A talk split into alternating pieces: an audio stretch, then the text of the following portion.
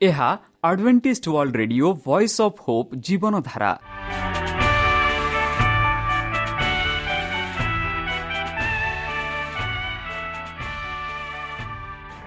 Odia radio କାର୍ଯ୍ୟକ୍ରମ ଯାହା ଆମର ଆନ୍ତର୍ଜାତୀୟ ଆଘାତ କେନ୍ଦ୍ରରୁ ପ୍ରସାରଣ କରାଯାଉଛି ପ୍ରତିଦିନ ରାତି ନଅଟା ତିରିଶ ମିନିଟ୍ରେ। ମୁଁ ସୁବ୍ରତ କୁମାର ପତି ପ୍ରେମର ସହ ଆପଣମାନଙ୍କୁ ଏହି କାର୍ଯ୍ୟକ୍ରମକୁ ସ୍ୱାଗତ କରୁଅଛି। ଚାଲନ୍ତୁ ଆଜିର ତିରିଶ ମିନିଟ୍ର କାର୍ଯ୍ୟକ୍ରମ ବିଷୟରେ ଜାଣିନେବା। ପ୍ରଥମେ ରଖିଛୁ ଆଧ୍ୟାତ୍ମିକ ଭକ୍ତିମୟ ଗୀତ। ଏହାପରେ ଶୁଣିବା ସ୍ୱାସ୍ଥ୍ୟ ବିଷୟରେ ଯାହା ଆମର ଦୈନିକ ଜୀବନରେ ଅତ୍ୟନ୍ତ ଜରୁରୀ।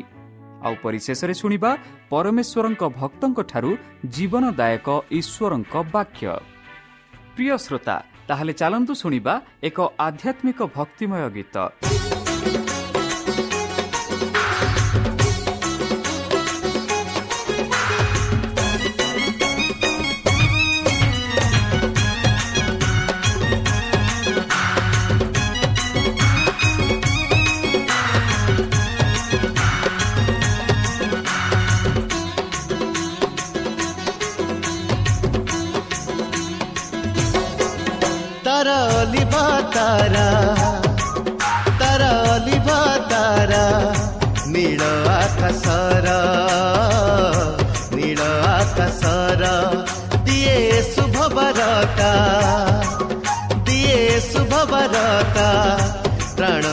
କଟାଙ୍କର ପ୍ରାଣ କଟାଙ୍କର ସରଗ ବାହିନୀ ଦୂତ ମେ ସଫଳ ସାଥେ ସରଗ ବାହିନୀ ଦୂତ ମେ ସଫଳ ସାଥେ କରନ୍ତି ପ୍ରଶଂସା ଈଶନନ୍ଦନର ତାର ଅଲିଭା ତାରା ତାର ଅଲିଭା ତାରା ନୀଳ ଆକାଶର ନୀଳ ଆକାଶର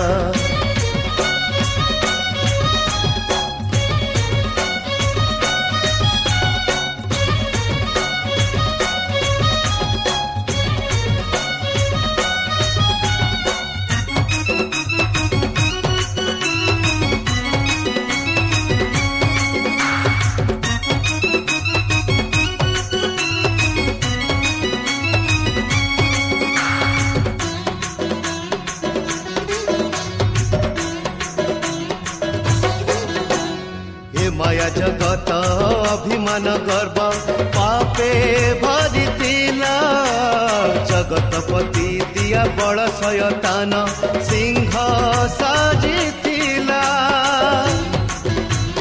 हो ए माया जगत अभिमान गर्व पापे भरितिला जगतपति दिया बड सयतान सिंह साजितिला। ସାଜିଥିଲା ବେଥଲି ହିମ ଚମକିଲା ଅନ୍ଧକାର ରାତି ଦିନ ହେଲା ଶତ୍ରୁ ଶୟତାନ ବଳ ଭାଙ୍ଗିବାକୁ ଶିଶୁ ଯିଶୁ ତ୍ରାତା ଜନମିଲେ ତ୍ରାତା ଜନମିଲେ ତାର ଅଲିଭା ତାରା ତାରା ଅଲିଭା ତାରା ନୀଳ ଆକାଶର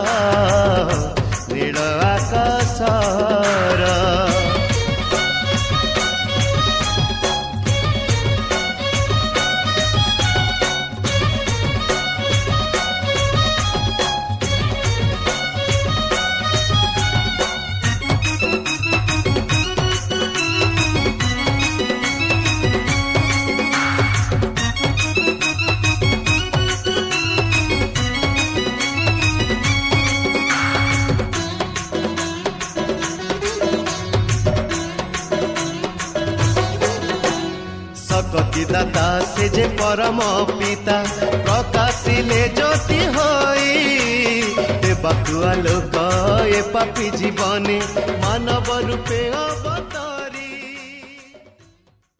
ପ୍ରିୟ ଶ୍ରୋତା ଆମେ ଆଶା କରୁଛୁ ଯେ ଆମର କାର୍ଯ୍ୟକ୍ରମ ଆପଣମାନଙ୍କୁ ପସନ୍ଦ ଲାଗୁଥିବ।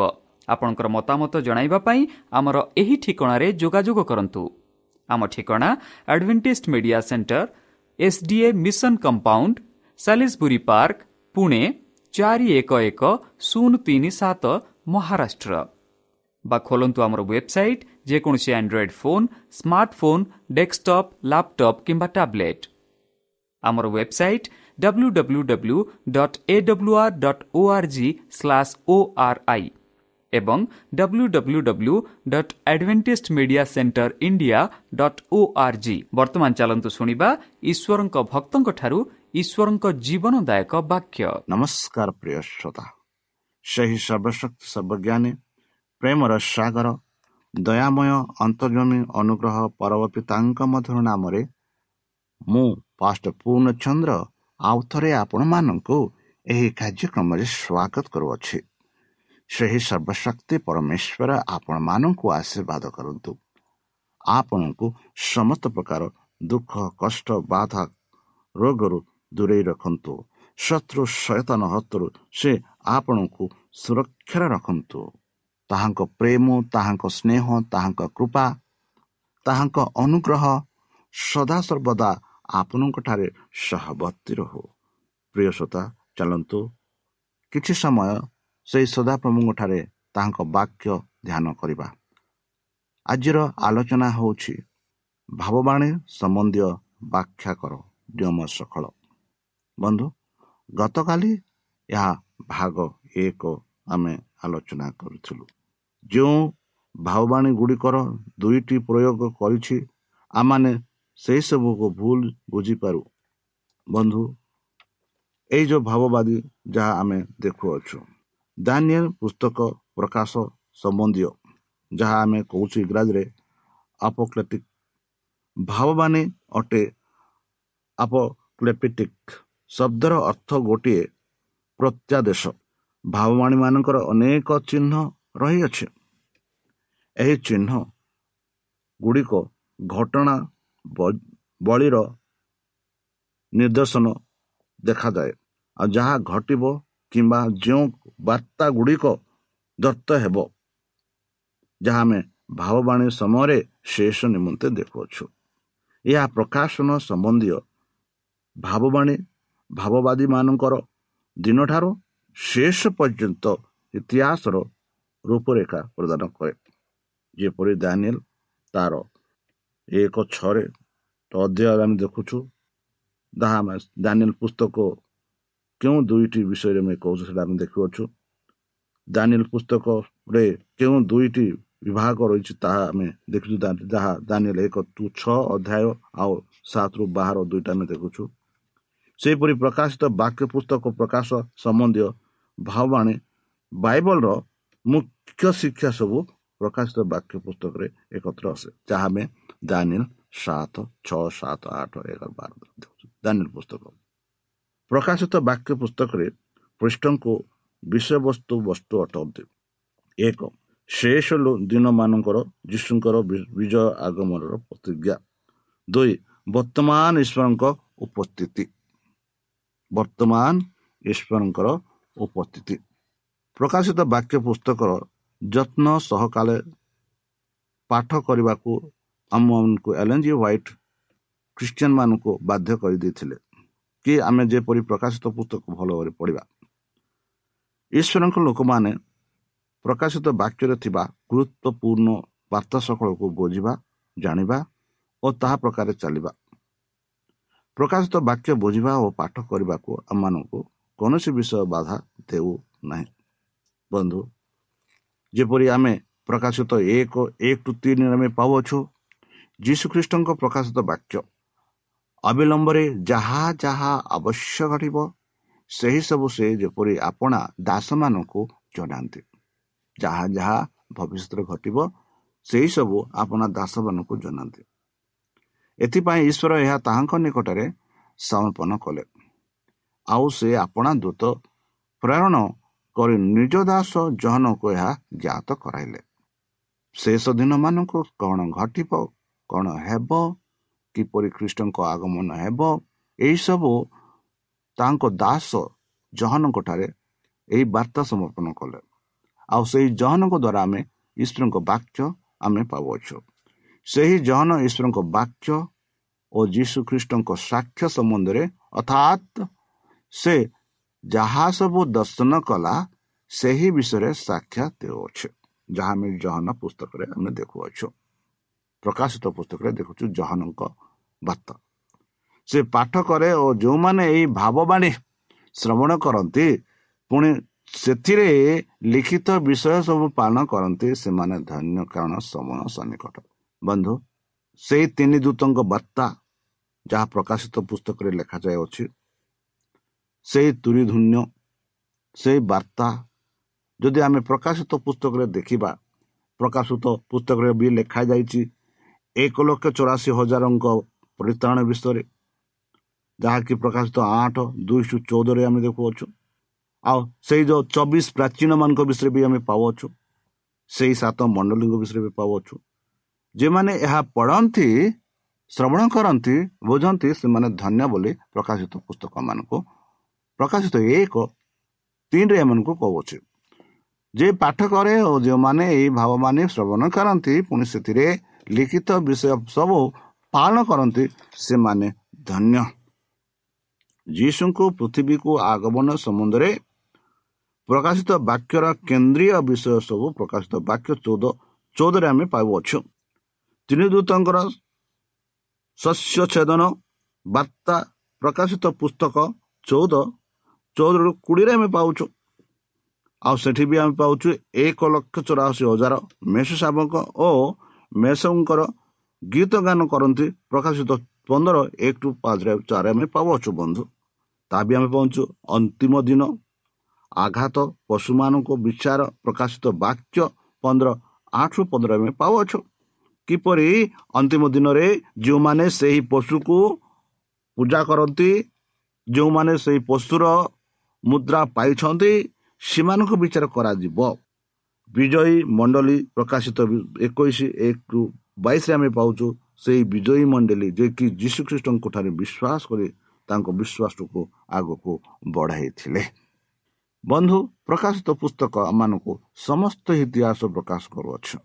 ଯେପରି ଆମେ ପ୍ରକାଶିତ ଚଉଦ ସତର ପନ୍ଦର ଷୋହଳ ତା ପ୍ରକାଶିତ ପୁସ୍ତକରେ ଯଦି ଆମେ ପଢ଼ିବା ଏଇଟା ଶ୍ରେଷ୍ଠ ରୂପେ ଆମକୁ ବୁଝାଇ କହୁଅଛୁ। ପ୍ରକାଶିତ ଆଠ ଦୁଇରୁ ତେର ଯଦି ଆମେ ପଢ଼ିବା ସେଠି ଆମେ ଦେଖୁଅଛୁ ତତ୍ପରେ ମୁଁ ଈଶ୍ୱରଙ୍କ ସମ୍ମୁଖରେ ଦଣ୍ଡାମୟ ମାନ ସପ୍ତ ଦୂତଙ୍କ ଦେଖିଲି ସେମାନଙ୍କୁ ସପ୍ତ ତୁରି ଦତ୍ତ ଥିଲା। ଦେଖନ୍ତୁ ବନ୍ଧୁ ସେଥିରେ ଆଉ ଜଣେ ଦୂତ ଆସି ଦେବୀ ନିକଟରେ ଠିଆ ହେଲେ। ତାହାଙ୍କ ହସ୍ତରେ ସୁବର୍ଣ୍ଣ ଧୂପାଛି ଥିଲା। ପୁଣି ସିଂହାସନ ସମ୍ମୁଖସ୍ଥ ସୁବର୍ଣ୍ଣ ବେଦୀ ଉପରେ ସମସ୍ତ ସାଧୁମାନଙ୍କ ପ୍ରାର୍ଥନା ସହିତ ଯୋଗ କରିବା ନିମନ୍ତେ ତାହାଙ୍କୁ ପ୍ରଚୁର ଧୂପ ଦିଆଗଲା। ସେଥିରେ ଦୂତଙ୍କ ହସ୍ତରୁ ଧୂର ଧୂପର ଧୂମ ସାଧୁମାନଙ୍କ ପ୍ରାର୍ଥନା ସହ ଈଶ୍ୱରଙ୍କ ସମ୍ମୁଖରେ ଉଦିତ ହେଲା। ପରେ ସେହି ଦୂତ ଧୂପାତି ଘେନି ଦେବୀର ଅଗ୍ନିରେ ତାହା ପୂର୍ଣ୍ଣ କରି ପୃଥିବୀ ଉପରେ ପକାଇଦେଲା। ସେଥିରେ ବଜ୍ରଧ୍ୱନି ବିଭିନ୍ନ ସ୍ୱର ବୃତ୍ପ ଓ ଭୂମିକମ୍ପ ହେଲା। ସେତେବେଳେ ସପ୍ତ ତୁରି ଧାରା ସପ୍ତ ଦୂତ ତୁରି ଧ୍ୱନି କରିବାକୁ ପ୍ରସ୍ତୁତ ହେଲେ। ପ୍ରଥମ ଦୂତ ତୁରି ଧ୍ୱନି କରନ୍ତେ ରକ୍ତ ମିଶ୍ରିତ ଶିଳ ଶିଳା ଓ ଅଗ୍ନି ଉପସ୍ଥିତ ହୋଇ ପୃଥିବୀରେ ନିକ୍ଷିପ୍ତ କଲା। ସେଥିରେ ପୃଥିବୀ ଓ ବୃକ୍ଷ ସମୂହର ଦ୍ୱିତୀୟ ତୃତୀୟାଂଶ ପୁଣି ସମସ୍ତ ହରିତୃଣ୍ୟ ତୃଣ୍ୟ ଚୂର୍ଣ୍ଣ ହୋଇଗଲା ବା ଦୁଗ୍ଧ ହେଲା। ଦ୍ୱିତୀୟ ଦୂତ ତୁରି ଧ୍ୱନି କରନ୍ତେ ଯେପରି ଅଗ୍ନି ପ୍ରଜ୍ୱଳିତ ଗୋଟିଏ ପ୍ରକାଣ୍ଡ ପର୍ବତ ସମୁଦ୍ରରେ ନିକ୍ଷିପ୍ତ ହେଲା ସେଥିରେ ସମୁଦ୍ରର ତୃତୀୟାଂଶ ଜଳ ରକ୍ତମୟ ହୋଇଗଲା। ପୁଣି ସମୁଦ୍ରରେ ଥିବା ଝିଅମାନଙ୍କ ତୃତୀୟାଂଶ ମଳେ ଓ ଜାହାଜର ତୃତୀୟାଂଶ ବିନଷ୍ଟ ହେଲା। ତୃତୀୟ ଦୂତ ତୁରି ଧ୍ୱନି କରନ୍ତେ ଅଗ୍ନିଶିଖା ପରି ପ୍ରଜ୍ୱଳିତ ଗୋଟିଏ ବୃହତ୍ତ ନିକ୍ଷିପ୍ତ ନକ୍ଷତ୍ର ଆକାଶରୁ ଖସିଲି ଖସିତ ହୋଇ ନଦୀ ସମୂହରେ ତୃତୀୟାଂଶ ନିର୍ଝର ଗୁଡ଼ିକ ଉପରେ ପଡ଼ିତ ପତିତ ହେଲା। ସେହି ନକ୍ଷତ୍ରର ନାମ ନାଗଦ ଅଣା ସେଥିରେ ଜଳର ତୃତୀୟାଂଶ ନାଗଦ ଅଣା ହେଲା। ଆଉ ଅନେକ ଲୋକ ସେହି ଜଳ ହେତୁ ମଲେ କାରଣ ତାହା ତିକ୍ତ କରାଯାଇଥିଲା। ଚତୁର୍ଥ ଦୂତ ତୁରିଧ୍ୱନି କରନ୍ତେ ସୂର୍ଯ୍ୟ ଚନ୍ଦ୍ର ଓ ନକ୍ଷତ୍ର ସମୂହର ତୃତୀୟାଂଶ ଆଘାତ ପ୍ରାପ୍ତ ହେବାରୁ ସେମାନଙ୍କର ତୃତୀୟାଂଶ ଅନ୍ଧକାରମୟ ହେଲା। ଦିବସର ତୃତୀୟାଂଶ ଆଲୋକ ରହିତ ହେଲା ଓ ରାତ୍ରି ମଧ୍ୟ ତୃତୁପ୍ତ ହେଲା। ପରେ ମୁଁ ଦୃଷ୍ଟିପାତ କଲି ଆଉ ଆକାଶର ମଧ୍ୟଭାଗରେ ଉଡ଼ୁଥିବା ଗୋଟିଏ ଉତ୍କୃଷ୍ଟ ପକ୍ଷୀ ଉଚ୍ଚ ସ୍ୱରରେ ଏହା କହୁଥିବା ଶୁଣିଲି ହାୟ ହାୟ ହାୟ ପୃଥିବୀ ବିନାଶୀମାନେ ସନ୍ତ ପର ପାତ୍ର କାରଣ ଆହୁରି ତିନି ଜଣ ଦୂତ ତୁରିଧ୍ୱନି କରିବାକୁ ଯାଉଛନ୍ତି। ବନ୍ଧୁ ଏହି ପ୍ରକାଶିତ ମାନଙ୍କୁ ପ୍ରକାଶ କରୁଅଛି। ଭବିଷ୍ୟତରେ କ'ଣ ଘଟିବ କ'ଣ ଘଟି ଯାଉଛି ଯାହା ଯାହା ବର୍ତ୍ତମାନ ପଢ଼ିଲୁ ସେଇ ସବୁ କିଛି ଗୁଡ଼ାକ ଘଟି ସାରିଛି ବନ୍ଧୁ। କି ସୂର୍ଯ୍ୟ ଚନ୍ଦ୍ର କିପରି ଅନ୍ଧକାର ହେଲେ ତାରା କିପରି ପଡ଼ିଲା ଏହିପରି ସବୁ ଆମେ ଦେଖିଅଛୁ ଆଉ ପବିତ୍ର ଶାସ୍ତ୍ର ମାନଙ୍କୁ ପ୍ରକାଶ କରୁଅଛୁ। ସେହିପରି ଯଦି ଆମେ ପ୍ରକାଶିତ ଚଉଦ ଏକ ଟୁ ପାଞ୍ଚ ପଢ଼ିବା ତପ୍ତରେ ମୁଁ ଦୃଷ୍ଟିପାତ କଲେ। ଆଉ ଦେଖ ସିଅନ ପର୍ବତ ଉପରେ ମେଷ ଶାବକ ଆଉ ଯେଉଁମାନଙ୍କ କପାଳରେ ତାହାଙ୍କ ନାମ ତାହାଙ୍କ ପିତାଙ୍କ ନାମ ଲିଖିତ ଥିଲା। ଏପରି ଏକ ଲକ୍ଷ ଚାଳିଶ ହଜାର ଚାଳିଶ ଚଉରାଳିଶ ସହସ୍ର ଲୋକଙ୍କ ତାହାଙ୍କୁ ସହିତ ଦଣ୍ଡାମୟ ଥିବାର ଦେଖିଲେ। କେତେ ଲୋକ ବନ୍ଧୁ? ଏକ ଲକ୍ଷ ଚଉରାଳିଶ ସହସ୍ର ମାନେ ହଜାର ଲୋକଙ୍କୁ କାହାଙ୍କ ସହିତ ଦଣ୍ଡାମୟ ଦେଖିଲେ ସଦାପ୍ରଭୁଙ୍କ ସମ୍ମୁଖରେ ହେବା ଦଣ୍ଡାମୟ ଦେଖିଲେ। ପୁଣି ମୁଁ ସ୍ୱର୍ଗରୁ ବହୁ ଜଳ ଲୋକ ବହୁ ଜଳ କୋଲ କୋଲ ଓ ମହାବ୍ରଜନାଦ ତୁଲ୍ୟ ଗୋଟିଏ ସ୍ୱର ଶୁଣିଲି। ଯେଉଁ ସ୍ୱର ମୁଁ ଶୁଣିଲି ତାହା ବୀଣା ବାଦ୍ୟକାରୀମାନଙ୍କ ବିନାର ଶବ୍ଦ ପରି ସେମାନେ ସିଂହାସନ ଚାରି ପ୍ରାଣୀ ଓ ପ୍ରାଚୀନ ମାନଙ୍କ ସମ୍ମୁଖରେ ଗୋଟିଏ ନୂତନ ଗୀତ ଗାନ କରେ ପୁଣି ପୃଥିବୀରୁ କ୍ରୀତ ସେହି ଏକ ଲକ୍ଷ ଚଉରାଳିଶ ସହସ୍ର ଲୋକଙ୍କ ବିନା ଆଉ କେହି ସେ ଗୀତ ଶିଖିପାରିଲା ନାହିଁ ଖାଲି ଏତେ ଲୋକ ହିଁ ଶିଖିଛନ୍ତି ବୋଲି ଆମେ ଦେଖାଉଛୁ ସେମାନେ ଶୃଙ୍ଗ ସ୍ୱର୍ଗରେ ଆପଣା ଆପଣାକୁ କୁଳସିତ କରିନଥିଲେ କାରଣ ସେମାନେ ସୁଛି ମେଷ ଶାବକ ଯେ କୌଣସି ସ୍ଥାନ ଗମନ କରନ୍ତି ସେ ସ୍ଥାନକୁ ସେମାନେ ତାଙ୍କର ଅନୁଗାମୀ ହୁଅନ୍ତି। ସେମାନେ ଈଶ୍ୱର ଓ ମେଷ ମେଷ ଶାବଙ୍କ ଉଦ୍ଦେଶ୍ୟରେ ପ୍ରଥମ ଜାତ ଫଳ ସ୍ୱରୂପେ ମନୁଷ୍ୟମାନଙ୍କର ମଧ୍ୟରୁ କୃତ ହୋଇଅଛନ୍ତି। ସେମାନଙ୍କ ମୁଖରେ କୌଣସି ମିଥ୍ୟା କଥା ନାହିଁ। ସେମାନେ ନିର୍ଦ୍ଦୋଷ। ବନ୍ଧୁ ଏହିପରି ପ୍ରକାଶିତ ପନ୍ଦର ଏକ ଚାରିରେ ଆମେ ପାଉଛୁ ତତ୍ପରେ ମୁଁ ସ୍ୱର୍ଗରେ ଆଉ ଏକ ମହା ଅଭୂତ ଲକ୍ଷଣ ଦେଖିଲି। ସପ୍ତଦୂତ ସେମାନଙ୍କ ହସ୍ତରେ ସପ୍ତ କ୍ଲେଶ ଏହା ହିଁ ଶେଷ କାରଣ। ଏହି କ୍ଲେଶ ମାନଙ୍କର ଈଶ୍ୱରଙ୍କ କ୍ରୋଧ ସମାପ୍ତ।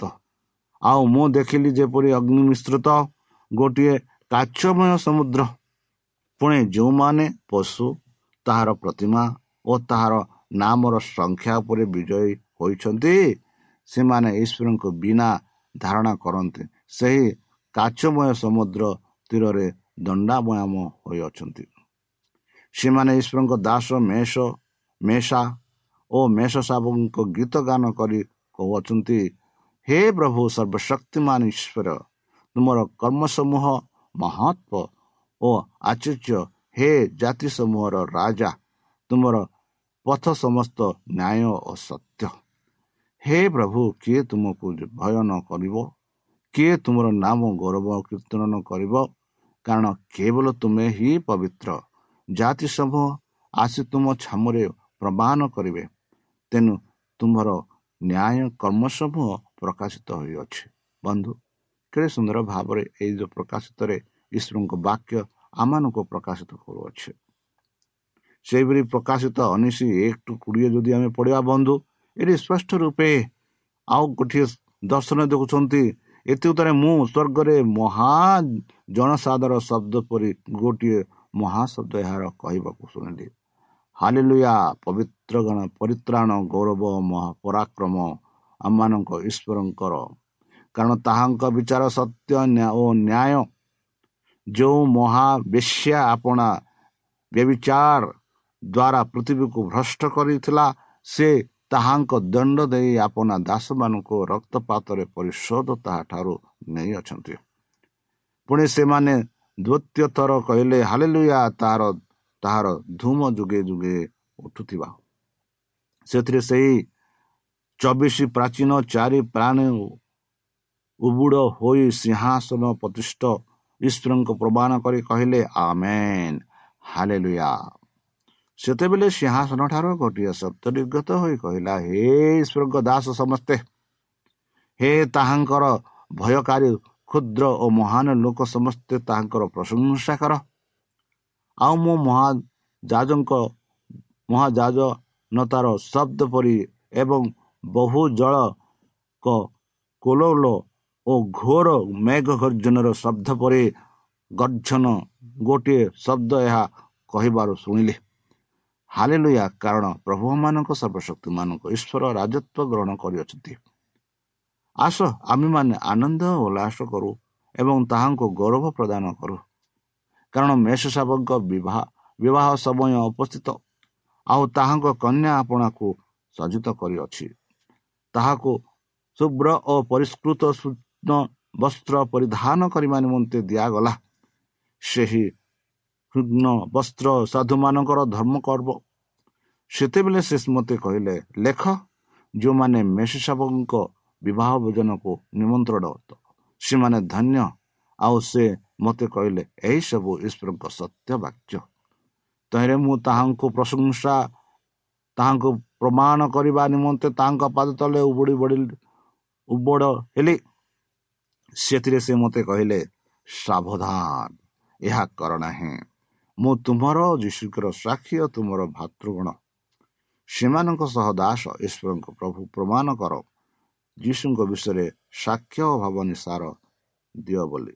ବନ୍ଧୁ ତତ୍ପରେ ମୁଁ ସ୍ୱର୍ଗର ଉନ୍ନୁକ୍ତ ଦେଖିଲି। ଆଉ ଦେଖ ଗୋଟିଏ ସ୍ୱତବର୍ଣ୍ଣ ଅସ୍ତ୍ର ତାହାର ଆରୋନୀ ନାମ ବିଶ୍ୱସ୍ତ ସତ୍ୟ। ସେ ନ୍ୟାୟ ରୂପେ ବିଚାର ଅଯୁଦ୍ଧ କରନ୍ତି। ତାହାଙ୍କ ଚକ୍ଷୁ ଅଗ୍ନିଶିଖା ସଦୃଶ୍ୟ ତାହାଙ୍କ ମସ୍ତକରେ ଅନେକ ମୁକୁଟ ଆଉ ତାହାଙ୍କର ଗୋଟିଏ ନାମ ଲିଖିତ ଅଛି। ସେହି ନାମ ତାହାଙ୍କ ବିନା ଆଉ ଅନ୍ୟ କେହି ଜାଣେ ନାହିଁ। ସେ ରକ୍ତ ନିବେଜିତ ବସ୍ତ୍ର ପରିହିତ ପୁଣି ତାହାଙ୍କର ନାମ ଈଶ୍ୱରଙ୍କ ବାକ୍ୟ ସ୍ୱର୍ଗସ୍ଥ ସୈନ୍ୟ ବାହିନୀ ଶୁଭ୍ର ଓ ପରିଶ୍ରୁତ ସୂକ୍ଷ୍ମ ବସ୍ତ୍ର ପରିହିତ ହୋଇ ଶ୍ଵେତ ବର୍ଣ୍ଣ ଅଶ୍ୱମାନଙ୍କ ଉପରେ ଆରୋହଣ କରେ ତାହାଙ୍କ ପଚାତମ କଲେ। ତାହାଙ୍କ ସମ୍ମୁଖ ଦିଗ୍ନ ଗଡ଼ଗ ନିର୍ଗତ ହୁଏ। ତଦ୍ୱାରା ସେ ଜାତି ସମୂହକୁ ଆଘାତ କରିବେ। ସେ ସେମାନଙ୍କୁ ଲୋହଦଣ୍ଡରେ ଶାସନ କରିବେ ଆଉ ସେ ନିଜେ ସର୍ବଶକ୍ତିମାନ ଈଶ୍ୱରଙ୍କ ପ୍ରଚଣ୍ଡ କ୍ରୋଧ ରୂପେ ଦ୍ରାକ୍ଷକୁଣ୍ଡ ତଳରେ କରିବେ ତଦନ କରିବେ। ତାହାଙ୍କର ବସ୍ତ୍ରରେ ତାହାଙ୍କ ଜଙ୍ଗସେଦରେ ଏହି ନାମ ଲିଖିତ ଅଛି ରାଜାମାନଙ୍କ ରାଜା ଓ ପ୍ରଭୁମାନଙ୍କ ପ୍ରଭୁ। ତତ୍ତରେ ମୁଁ ଜଣେ ଦୂତଙ୍କ ସ୍ୱର୍ଗ ମଧ୍ୟରେ ଦଣ୍ଡାମୟମ ହୋଇଥିବାର ଦେଖିଲି।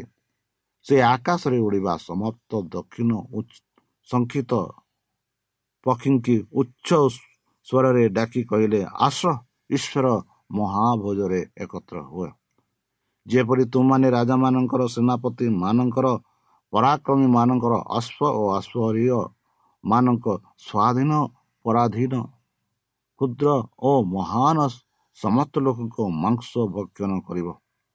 ପରେ ମୁଁ ପଶୁଙ୍କୁ ଏବଂ ପୃଥିବୀର ରାଜାମାନଙ୍କୁ ଓ ସେମାନଙ୍କର ସୈନ୍ୟବାହିନୀକୁ ସେହି ଆଶ୍ୱରହି ଓ ତାହାଙ୍କ ସୈନ୍ୟବାହିନୀଙ୍କ ସହିତ ଯୁଦ୍ଧ କରିବା ନିମନ୍ତେ ଏକତ୍ରିତ ହୋଇଥିବା ଦେଖିଲି। ସେଥିରେ ସେହି ପଶୁ ଧରା ପଡ଼ିଲା ଆଉ ଯେଉଁ ଭଣ୍ଡ ଭାବବାଦୀ ତାହାର ସାକ୍ଷାତରେ ଆଚାର୍ଯ୍ୟ କର୍ମ ସବୁ କରି ତତ୍ପର ପଶୁର ମୁଦ୍ରାଙ୍କ ପ୍ରାପ୍ତ ଲୋକମାନଙ୍କୁ ଓ ତାହାର ପବିତ୍ର ପ୍ରତିମାନ ପୂଜା ପୂଜାମାନଙ୍କୁ ପୂଜକମାନଙ୍କୁ ଭ୍ରାନ୍ତ କରିଥିଲେ ସେ ମଧ୍ୟ ତାହାର ସଙ୍ଗରେ ଧରା ପଡ଼ିଲା। ସେମାନେ ଉଭୟ ଜୀବନ୍ତ ଅବସ୍ଥାରେ ଗନ୍ଧବ ଗନ୍ଧକ ପ୍ରଜ୍ୱଳିତ ଦ୍ରବ୍ୟରେ ନିଯୁକ୍ତ ହେଲେ। ବନ୍ଧୁ ପବିତ୍ର ଶାସ୍ତ୍ର ବାଇବଲ ହେଉଛି ଏକ ପଥ ପ୍ରଦର୍ଶକ। ପବିତ୍ର ଶାସ୍ତ୍ର ବାଇବଲ ହେଉଛି ଏକ ଭାବବାଣୀ ଦ୍ୱାରା ଲେଖାଯାଇଅଛି। ଆଉ ଏହି ପବିତ୍ର ଶାସ୍ତ୍ର ବାଇବଲ ଯୁଗ ଶେଷରେ କ'ଣ ହେବ ଘଟିବ ସେ ବି ତାହା ବି ଆମମାନଙ୍କୁ ବୁଝାଇ କହୁଅଛି ଯାହାକି ବର୍ତ୍ତମାନ ଆମେ ଆଲୋଚନା କରୁଛୁ ଆଉ ଯେତେ ଲୋକ ସେହି ବାକ୍ୟକୁ ବୁଝନ୍ତି ଆଉ ସେହି ଆଜ୍ଞା ଅନୁସାରେ ଚାଲନ୍ତି ସେମାନେ ଧନ୍ୟ। କାରଣ ଈଶ୍ୱର ସେମାନଙ୍କୁ ସେ ସ୍ୱର୍ଗ ରାଜ୍ୟକୁ ନେବେ। ଯେପରି ଆମେ ପ୍ରକାଶିତ ପୁସ୍ତକରେ ଦେଖିଲୁ ବର୍ତ୍ତମାନ ତାଙ୍କ ବାକ୍ୟ ତାଙ୍କ ଭାବବାଣୀ ଯାହା ତାଙ୍କ ଭାବବାଣୀ ସମ୍ବନ୍ଧୀୟରେ ଯାହା ପବିତ୍ର ଶାସ୍ତ୍ର ବାକ୍ୟ ନିୟମ ସକଳ ଯାହା ଆମେ ଦେଖିଛୁ। ସେ ଅନୁସାରେ ଯଦି ଆମେ ଚାଲିବା ତାକୁ ଯଦି ବୁଝିବା ନିଶ୍ଚିତ ରୂପେ ଆମମାନେ ନିଜକୁ ପ୍ରସ୍ତୁତ କରୁଅଛୁ ସେ ସ୍ୱର୍ଗରାଜକୁ ଯିବା ପାଇଁ। ଯେହେତୁ ଯୀଶୁଖ୍ରୀଷ୍ଟ ବହୁ ଶୀଘ୍ର ଏହି ପୃଥିବୀକୁ ଆସୁଅଛନ୍ତି। ଆଉ ଯେବେ ସେ ଆସିବେ ସମସ୍ତ ଯେତେ ଲୋକ ତାହାଙ୍କ ଆଜ୍ଞା ପାଳନ କରିଛନ୍ତି ତାହାଙ୍କ ଆଜ୍ଞା ଅନୁସାରେ ଚାଲିଛନ୍ତି ସେମାନଙ୍କୁ ନିଶ୍ଚିତ ରୂପେ ସେ ସ୍ୱର୍ଗ ସ୍ୱର୍ଗରାଜକୁ ନେଇଯିବେ। କ'ଣ ଆପଣମାନେ ସେହି ସ୍ୱର୍ଗରାଜକୁ ଯିବା ପାଇଁ ଇଚ୍ଛା କରୁଛନ୍ତି କି? ତାହେଲେ ଚାଲନ୍ତୁ। ନିଜ ଜୀବନ ତାଙ୍କ ହସ୍ତରେ ସମର୍ପଣ କରି ତାଙ୍କ ମଧୁରମୟ ନାମରେ ଆମେ ପ୍ରାର୍ଥନା ଉତ୍ସର୍ଗ କରିବା। ହେ ଆମମାନଙ୍କ ସର୍ବଶକ୍ତି ସର୍ବଜ୍ଞାନୀ ପ୍ରେମର ସାଗର ଦୟାମୟ ଅନ୍ତଜମୀ ଅନୁଗ୍ରହ ପରମ ପିତା ଧନ୍ୟବାଦ ଅର୍ପଣ କରୁଛୁ ପ୍ରଭୁ ବର୍ତ୍ତମାନ ଯେଉଁ ବାକ୍ୟ ତୁମ ସେହି ଭକ୍ତଙ୍କ ଦ୍ୱାରା ଆମମାନଙ୍କୁ ଶୁଣାଇଲେ ସେହି ବାକ୍ୟ ଅନୁସାରେ ଏମାନଙ୍କୁ ଚଳିବା ପାଇଁ ବୁଦ୍ଧିରେ ଜ୍ଞାନରେ ଶକ୍ତିରେ ପରିପୂର୍ଣ୍ଣ କର ଆମ ପାପ ସବୁ ତୁମ ସେହି ପ୍ରେମମୟ ରକ୍ତରେ ପରିଷ୍କାର ରୂପେ ଧୋଇ ଦିଅ। ଆଉ ପରିଶେଷ ଯେବେ ତୁମେ ତୁମ ସେହି ସହସ୍ର ଦୂତଙ୍କ ସହ ଆସିବେ ଆପଣା ସାଧୁମାନଙ୍କୁ ସଂଗ୍ରହ କରିବା ନିମନ୍ତେ ସେତେବେଳେ ଆମମାନଙ୍କୁ ଏକ ବାସସ୍ଥାନ ଦିଅ ବୋଲି ତ୍ରାଣକର୍ତ୍ତା ପ୍ରଭୁ ଯୀଶୁଙ୍କ ମଧୁରମୟ ନାମରେ ଏହି ଛୋଟ ବିକ୍ଷମ ଗ୍ରହଣ କର। ପ୍ରିୟ ଶ୍ରୋତା ଆମେ ଆଶା କରୁଛୁ ଯେ ଆମର କାର୍ଯ୍ୟକ୍ରମ ଆପଣମାନଙ୍କୁ ପସନ୍ଦ ଲାଗୁଥିବ। ଆପଣଙ୍କର ମତାମତ ଜଣାଇବା ପାଇଁ ଆମର ଏହି ଠିକଣାରେ ଯୋଗାଯୋଗ କରନ୍ତୁ ଆମ ଠିକଣା Adventist media centre SDA mission compound Salisbury park Pune ଚାରି ଏକ ଏକ ଶୂନ ତିନି ସାତ ମହାରାଷ୍ଟ୍ର ବା ଖୋଲନ୍ତୁ ଆମର ୱେବସାଇଟ୍ ଯେକୌଣସି android phone smartphone desktop laptop କିମ୍ବା ଟ୍ୟାବ୍ଲେଟ୍ ଆମର website W W W dot A W R dot O R G slash O R I ଏବଂ W W W dot advantage media centre India dot O R G advantage media centre ଇଣ୍ଡିଆର spelling ହେଉଛି A D V E N T I S T M E D I A C E N T R E I N D I A ଅଥବା download କରନ୍ତୁ ଆମର mobile app ଆପଣଙ୍କର mobile play ଷ୍ଟୋରକୁ ଯାଆନ୍ତୁ ଆଉ type କରନ୍ତୁ the voice of pope ଆଉ download କରନ୍ତୁ ଈଶ୍ୱର ଆପଣଙ୍କୁ ଆଶୀର୍ବାଦ କରନ୍ତୁ। ଧନ୍ୟବାଦ।